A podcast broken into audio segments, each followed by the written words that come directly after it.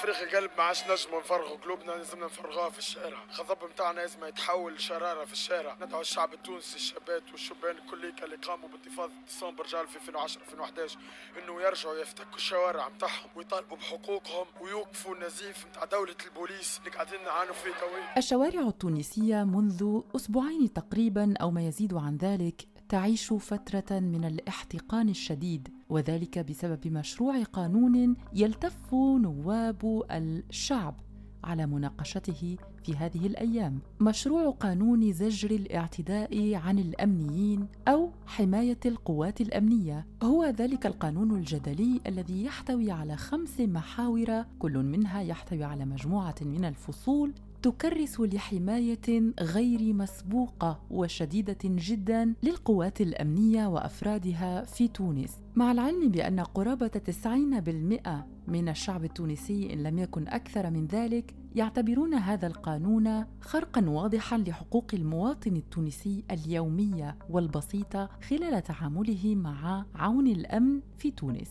ظهرت أولى بوادر هذا المشروع أو هذا المشروع للقانون الجديد الذي يحمي القوات الأمنية في تونس سنة 15 و2000 بعد موجة من الاعتداءات عاشها بعض الأفراد من القوات الأمنية في تونس. الشيء الذي جعل صفوف الأمنيين تنتفض للمطالبة بقانون مماثل ولكن التونسيين لم يظنوا للحظة واحدة بأن هذا القانون وفصوله المختلفة ستمثل تهديدا واضحا لحقوق المواطن التونسي.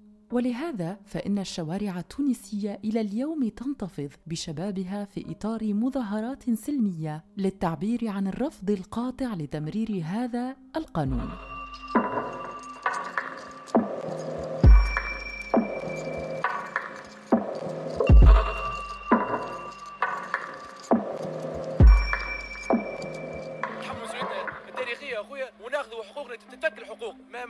ما ما تتهداش ما تلقاش طيشة في الطريق ولا فماش حلوة تبيع 100 جرام حقوق ولا 200 جرام حقوق ما تلقاهاش. لازم تفك فكان للأسف 10 سنين بعد الثورة الوضع أخيب من اللي كان عليه. وخاصة الشباب التونسي اليوم لازم ينتفض ضد القانون هذا لأنه القانون هذا راهو إذا كان باش يمس وإذا كان باش يضر باش يضر أولا الشباب التونسي وباش يضر الزوالي اللي ما عندوش باش يجعل اللي ما عندوش بابا وماما يحميوه اللي ما عندوش عمه كادر في الداخلية. اليوم الفئات هذه الكل normalement تحتاج وين ما كنتوا وين ما كنتوا احتجوا على القانون هذا لخاطر إذا كان القانون هذا تعدى اتأكدوا. ريتوا أصحابكم اللي في الحبوسات ريت خوك اللي في الحبس ولد عمك اللي طايح على جونتا ولا على خاطر جاوا بوليس حقروا. اليوم باش يصبحوا بالآلاف اليوم الكلكم مهددين اليوم وين ما أنتم احتجوا احتجوا ضد القانون هذا لأنه حريتكم حريتكم على قانون يندى له الجبين يعني قانون يعيد دولة البوليس بامتياز. طبعا نحن اليوم أفرغنا تقريبا هذا القانون من محتواه القوانين التي فيها زجر فعلي على المواطن يجب حذفها مثل ما ندافع على المواطن العادي وانه حقه في الشغل وحقه في آه، كل شيء. الامني نفس الشيء لكن لا مجال إليه.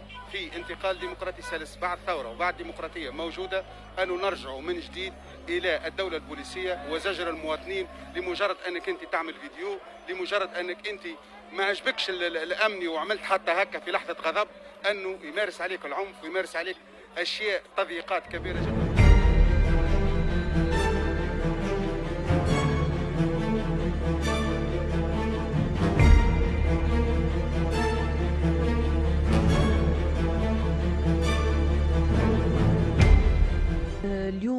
نحب نحكي على القانون اللي آه، صاير عليه آه، polémique كبيرة في تونس. هو قانون آه، زجر الاعتداء على الأمنيين. القانون هذا واحدة من الناس أنا ضده علاش ضده؟ على خاطر هو قانون ساعة يحب يرسخ ثقافة الإهانة ثقافة القهر. ثقافة الظلم اللي هي déjà موجودة في في مجتمعنا اللي اليوم عنا الشباب يدخل على بطاقة تعريف يهان في المراكز الشباب إنه يخرج يسهر وإلا يحوس ينجم يتمرمت اليوم آه، القانون معمول باش يكسر شوكة وأحلام وطموحات الشباب. اليوم قانون نقمة نقمة على الثورة متاعنا يحبوا ينتقموا منها. شفناهم الكل بدون استثناء. اللي هما يكتبوا في لي كومنتير آه يسبوا آه العباد يهينوا يقولوا لهم استنى القانون يتعدى كانهم يتحلفوا فينا. آه اللي خايفة منه إنه اليوم يصير كل الضغط من البوليسية. هما بطبيعتهم برشا مع الاستثناءات انهم ما همش يخدموا بالكدا على رواحهم. juste باش يحسونا نحن ما في أمن وأمان. juste باش يقولوا لنا اللي آه، الثورة اللي عملتوها شوف شنو جابت لكم. اللي نحب نقولوا راهو اليوم ينجم البوليسية ما عادش نجم تخدم خدمتها juste باش تشمتوا فينا واللي المشوار طويل مشوار الحقوق والحريات طويل واللي ما نخافوش وما خفناش قبل وماناش باش نخافوا تو. اللي نحب نقولوا علاش أنا ضد القانون هذايا على خاطر قالوه برشا هما ما نزيد نقولوا ديجا فما قوانين برشا تحمي البوليسية. اولا. ثانيا آه، البوليس مش هو اللي مستحق حماية المواطن هو اللي يستحق حماية. على خاطر آه، اليوم حاجتنا بدولة مدنية دولة حقوق دولة حريات مش دولة إهانة دولة تعفس على شبابها. الشباب يزيه ما تظلم يزيه ما تعب. آه، اللي نقولوه لهم نقولوا لهم خليونا نعيشوا خلينا نحلموا. على الأقل كي قاتلتنا البطالة وقاتلنا الفقر ما خليونا على الأقل في الحريات نتنفسوا. خليونا حاجة تنجم تخلينا نحبوا تونس قد ما نحبوها تو أه يحبوا يكرهونا في بلادنا أما ينجموش. خاطر آه، اللي يربطنا بتونس أقوى من آه، من إنه قوانين تتحط. القوانين ما تنجمش تتعدى بالسهولة اللي تصوروها. اليوم الشباب خرج للشارع وبين لهم اللي هما يد وحدة ضد أي حاجة تنجم توخر بهم التالي. تونس ما توخرش ونحن ما نوخروش. اليوم القانون هذا قانون جذري وردعي قانون نتاع إهانة لثورتنا إهانة لكرامتنا كناس. آه، اليوم البوليسية لو كان آه، جاو حاستهم بقانون آه، يحميهم نقولوا لهم ديجا القوانين موجودة. وتحمي فيكم. وأول عباد انتفعت من الثورة هي البوليسية زادت شهراهم تعملت لهم نقابة اللي برشا يسبوا في الثورة اليوم. نحب نقول لهم راهو التاريخ ما يتنساش التاريخ ما يتمحاش. رانا تعبنا. آه، تعبنا من الظلم تعبنا من القهر. آه، ما نحبوش قوانين أخرى تردنا مقهورين أكثر. وراهو القانون ما يتعداش ومش باش يتعدى. والشعب موقفه واضح. لا لدولة بوليسية نعم لدولة مدنية دولة حقوق وحريات فردية دولة الحب العطاء الأمل دولة آه، الشباب الشباب اللي يبناها وراه باش تجينا فرصة كشباب باش نبنيو تونس.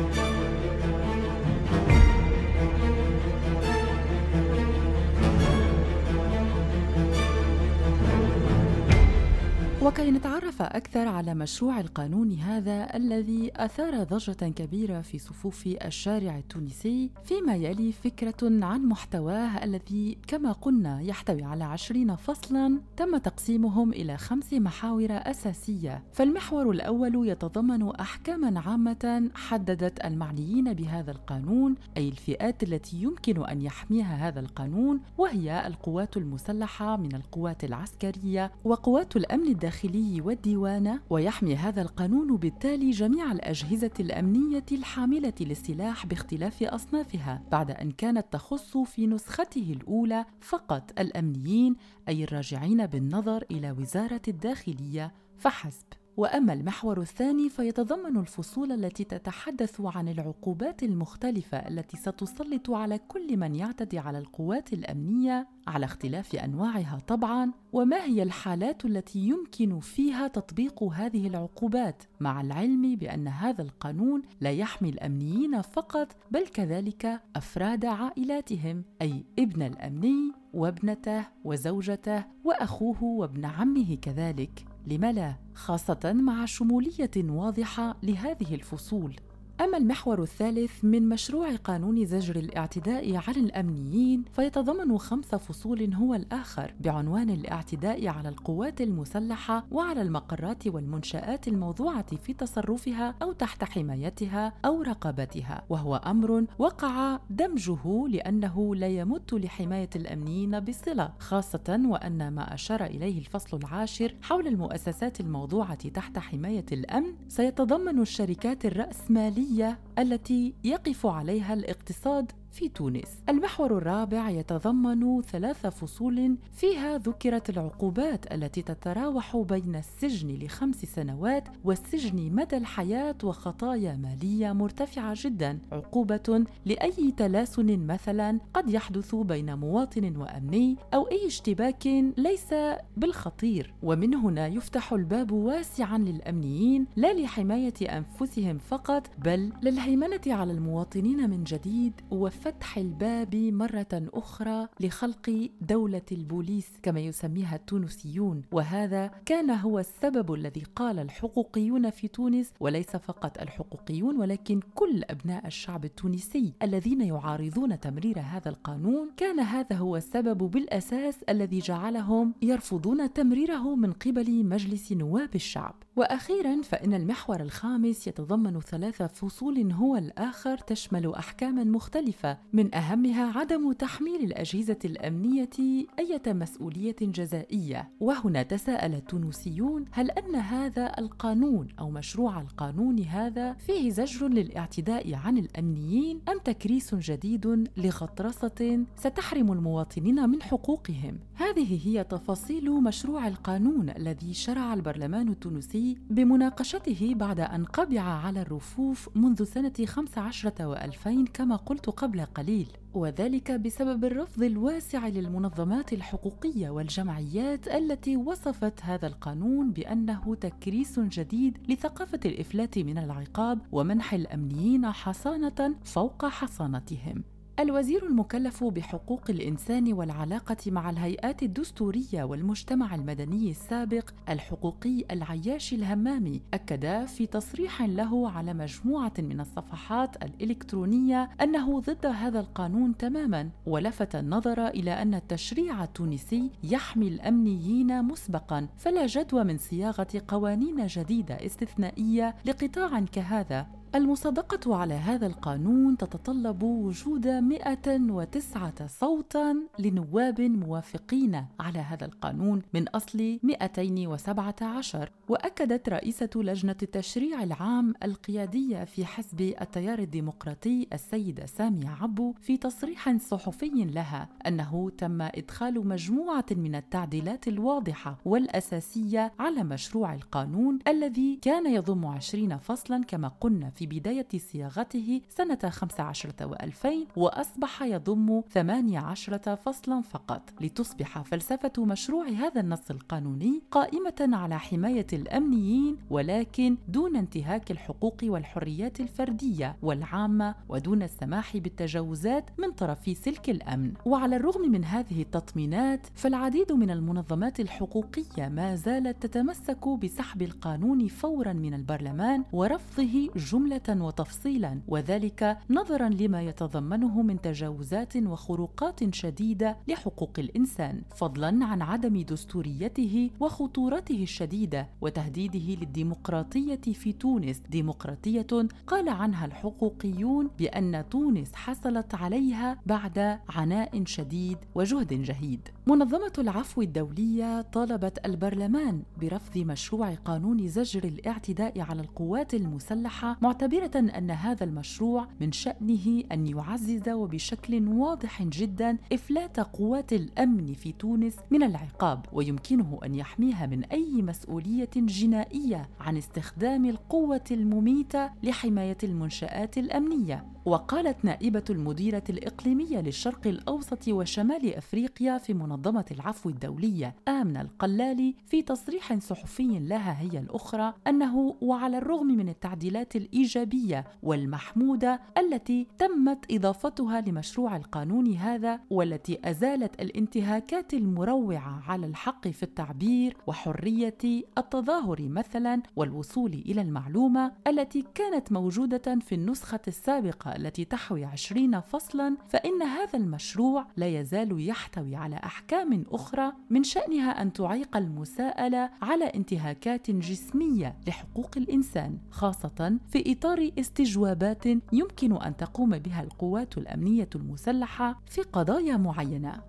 آمنة القلالي قالت كذلك بأن قوات الأمن في تونس لطالما تمتعت منذ فترات طويلة. خلال فترة حكم زين العابدين بن علي تمتعت بحقوق لا متناهية وحصانة شديدة خاصة في التعاطي مع المواطن التونسي البسيط. الشيء الذي زج بالكثير من الأبرياء في السجون ودمر حياة مواطنين آخرين كثر. واستشهدت في هذا السياق بواقعتين لم يكن من السهل على التونسيين نسيانهما مثل الاستخدام المفرط للقوة من قبل القوات الأمنية ضد المحتجين السلميين في ولاية تطاوين في الجنوب التونسي وذلك في حزيران الماضي والتدخلات الأمنية العنيفة التي أدت إلى وفاة عمر العبيدي وهو شاب تونسي كان من ضمن مشجعي فريق النادي الإفريقي التونسي والذي قام أمنيون بدفعه في نهر على الرغم من أنه أعلمهم بعدم قدرته على السباحة الشيء الذي تسبب بوفاته وذلك سنة 18 و2000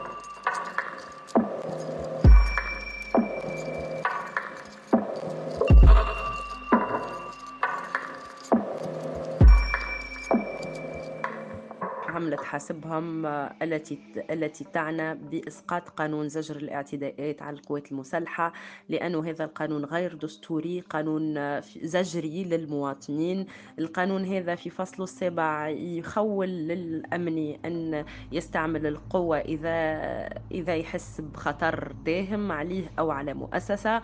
إنه نعتبره إنه هذا القانون غير دستوري ومنافي للمعاهدات والمواثيق الدولية. خرجنا تظاهرنا يوم 6 أكتوبر قدام مجلس المستشارين ضد هذا القانون وتم تعنيفنا من قبل البوليس. تم التحرش بنا كعضوات في الحملة وتم اعتقال خمسة نشطاء في الحملة منهم أنا. كنت معتقلة مدة ثلاثة ساعات وقد تم منع المحامي أنه يدخل لي أو يشوفني. آه ثم تدخل أعضاء مجلس النواب لإطلاق سراحنا. آه بعد عملنا وقفة أخرى اللي هي جت يوم الأربعاء آه 9 أكتوبر. يوم الخميس 9 أكتوبر. الوقفة ذي وقفة كانت سلمية لم يتدخل أعوان الأمن. دونك إحنا مشينا قدام مجلس المستشارين لنضغط على النواب إنهم ما يعديوش قانون إرهابي يؤسس لإرهاب الدولة ويرسخ مبدأ الإفلات من العقاب. في حملة حسبهم نحن ضد القانون هذا شكلا ومضمونا.